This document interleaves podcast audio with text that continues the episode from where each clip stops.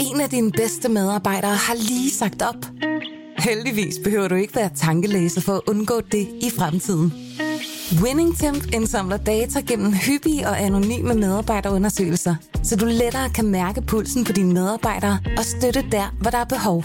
Kunder som Alfa Laval, Orkla og Volvo bruger allerede WinningTemp og ser, at det øger trivsel, reducerer turnover og hjælper med at fastholde talenter. Få gratis gennemgang allerede i dag på winningtemp.com. Velkommen til Morgenposten. Berlingskes nyhedsoverblik.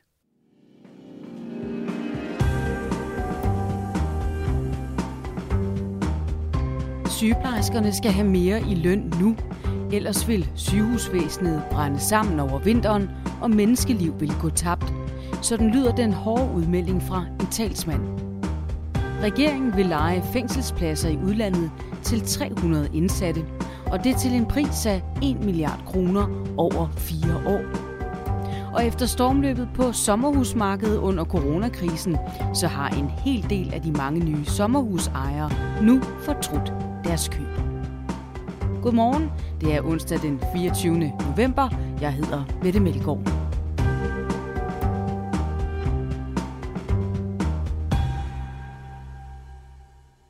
Og vi lægger ud med sygeplejerskerne. Berlingske skriver i dag om en skillevej, som politikerne står ved, og to scenarier, de kan vælge imellem.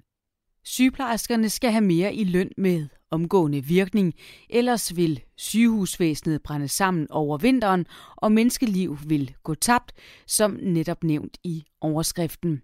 Og denne hårde udmelding kommer fra Luca Jonathan Pristed, der er talsmand for den nationale gruppe for arbejdsnedlæggelser. Hvis jeg var politiker og gik op i danskernes liv, ville jeg hæve sygeplejerskernes grundløn nu. Så ville sygeplejerskerne stoppe med at skride, de ville blive mere fleksible, og mange ville komme tilbage. Det er den kortsigtede løsning, som kan få os igennem vinteren, siger han til Berlingske. Dansk Sygeplejeråd er uenige i de overenskomststridige metoder, men tager ikke afstand fra udtalelserne.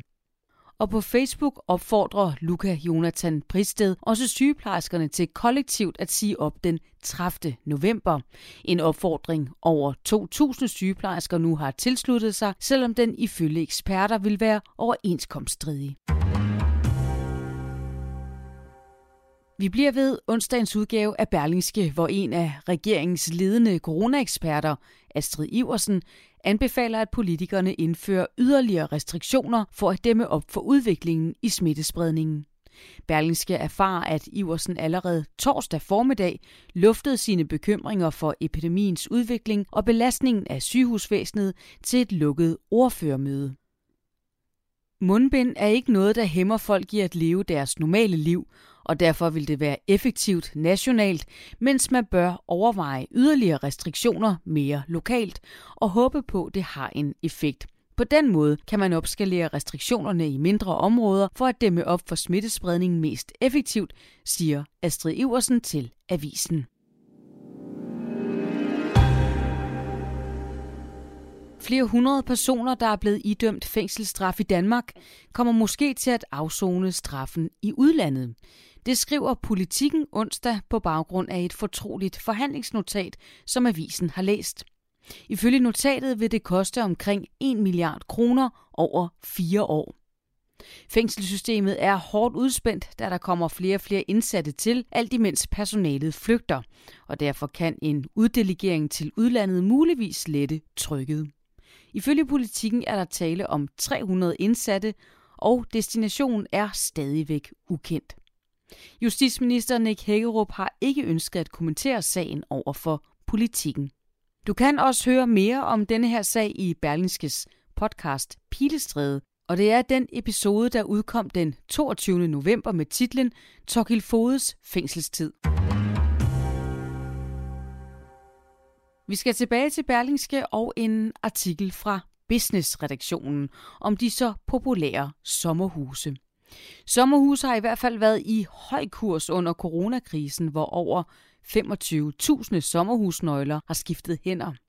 Men nu viser tal fra boligsiden, at rigtig mange af de nye sommerhusejere er blevet ramt af en ny virkelighed. De har kort og godt fortrudt deres køb. Du får her et uddrag fra dagens lydartikel fra Berlingske, som i første omgang tager dig med til foråret sidste år.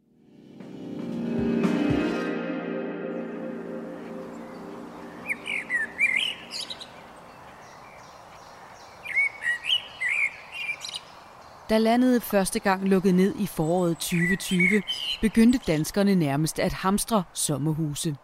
Udsigten til at være spærret inde med familie og hjemmearbejde, mens rejser pludselig blev reduceret til noget, man kun kunne drømme om, fik rigtig mange til at slå til og købe et sommerhus. Salget steg eksplosivt og hæv samtidig priserne gevaldigt op.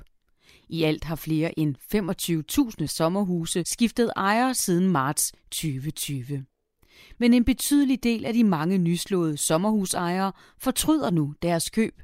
Det viser en ny undersøgelse blandt 1080 deltagere, som boligsiden har gennemført.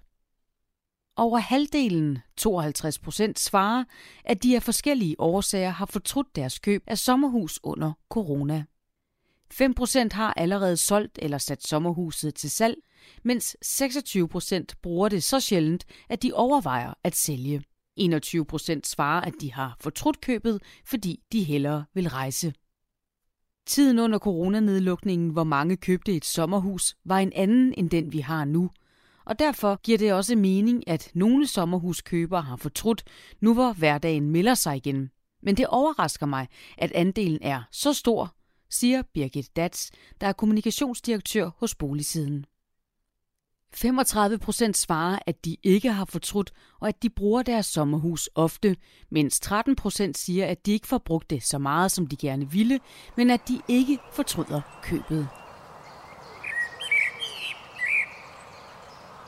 At dømme ud fra afstemningen er det hver anden køber, der ikke har fået det ud af sit sommerhus, som de havde forventet.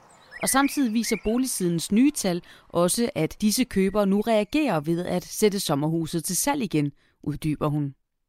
Birgit Dats henviser til en opgørelse af, hvor stor en andel af de sommerhuse, der er købt fra marts 2020 til september 2021, der er blevet sat til salg igen. Og den andel er på 2,7 procent af de i alt 25.587 sommerhuse, hvilket er en fordobling i forhold til den tilsvarende periode inden corona. Umiddelbart lyder det måske ikke som en stor andel, men hvis vi sammenligner med den tilsvarende periode fra marts 2018 til september 2019, lå andelen dengang kun på 1,4 procent, bemærker Birgit Dats.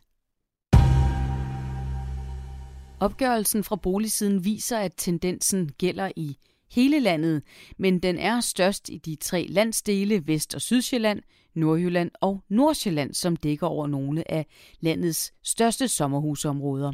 Dagens lydartikel, som du finder i sin helhed på berlingske.dk, er skrevet af Louise Kastberg. Slagterivirksomheden Danish Crown og medicinalfirmaet Ambu vil indføre krav om gyldigt coronapas til deres medarbejdere. Det skriver børsen i dag. Og for Danish Crown omfatter dette nye krav om negativ test, bevis for vaccine eller bevis på at have været smittet med coronavirus ca. 8.000 medarbejdere. Ifølge børsen har en række andre virksomheder også haft overvejelser om coronapas oppe at vinde. Mærsk indførte som den første virksomhed i Danmark et krav om, at medarbejdere var vaccineret, og Novo Nordisk kræver coronapas ved begivenheder med over 200 deltagere. Vi skal tilbage til sygeplejerskerne, men denne gang handler det om antallet af arbejdstimer. For sygeplejerskernes påstand om, at de arbejder markant mere end en fuldtidsstilling, er muligvis en skævvridning af virkeligheden. Nye tal, som danske regioner har udarbejdet for Berlingske, viser nemlig, at mængden af mere- og overarbejde kun svarer til ca. 0,72 timer om ugen. Argumentet om, at de fleste sygeplejersker er oppe og arbejde fuldtid, når timerne er talt op, holder ikke, siger professor og sundhedsøkonom ved Syddansk Universitet, Kjeld Møller Pedersen. Men formanden for Dansk Sygeplejeråd, Grete Christensen, mener, at tallene er unuancerede. Tallene fortæller kun noget om ansættelsen direkte i regionerne. Alt det, der foregår ved siden af ansættelsen i for eksempel et vikarbyrå, kommer ikke med i de her tal, siger hun. Morgenposten slutter i USA. Der vil være selvforsynende med computerchips. Der er nemlig ikke nok chips på verdensmarkedet, og de fleste computerchips bliver produceret i Taiwan og Sydkorea. Og det har øget USA's og EU's fokus på forsyningssikkerheden, og nu er amerikanerne så på vej til at gøre sig mindre afhængige af de asiatiske producenter. Samsung, som er en af verdens få store chipproducenter, er klar til at placere en ny gigantisk chipfabrik i Texas, skriver Finans med henvisning til Wall Street Journal. Chipfabrikken vil koste 112 milliarder kroner og ventes at kunne påbegynde produktionen i slutningen af 2024. Og lad os tage et blik på dagen i dag. I dag indledes proceduren, anklagerens og forsvarernes afsluttende indlæg i rigsretssagen mod Inger Støjberg. Sagen ventes at blive afsluttet inden jul.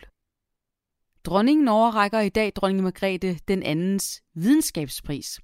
Og i Sverige skal riksdagen stemme om den nye socialdemokratiske partileder Magdalena Andersson som ny statsminister. Således morgenposten på en onsdag her en måned før jul. Senere i dag får du nyt fra Pilestræde, og i morgen tidlig er det Jon Kaldan, der står for Berlingskes nyhedsoverblik.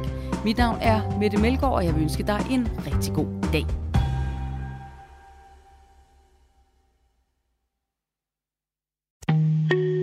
En af dine bedste medarbejdere har lige sagt op.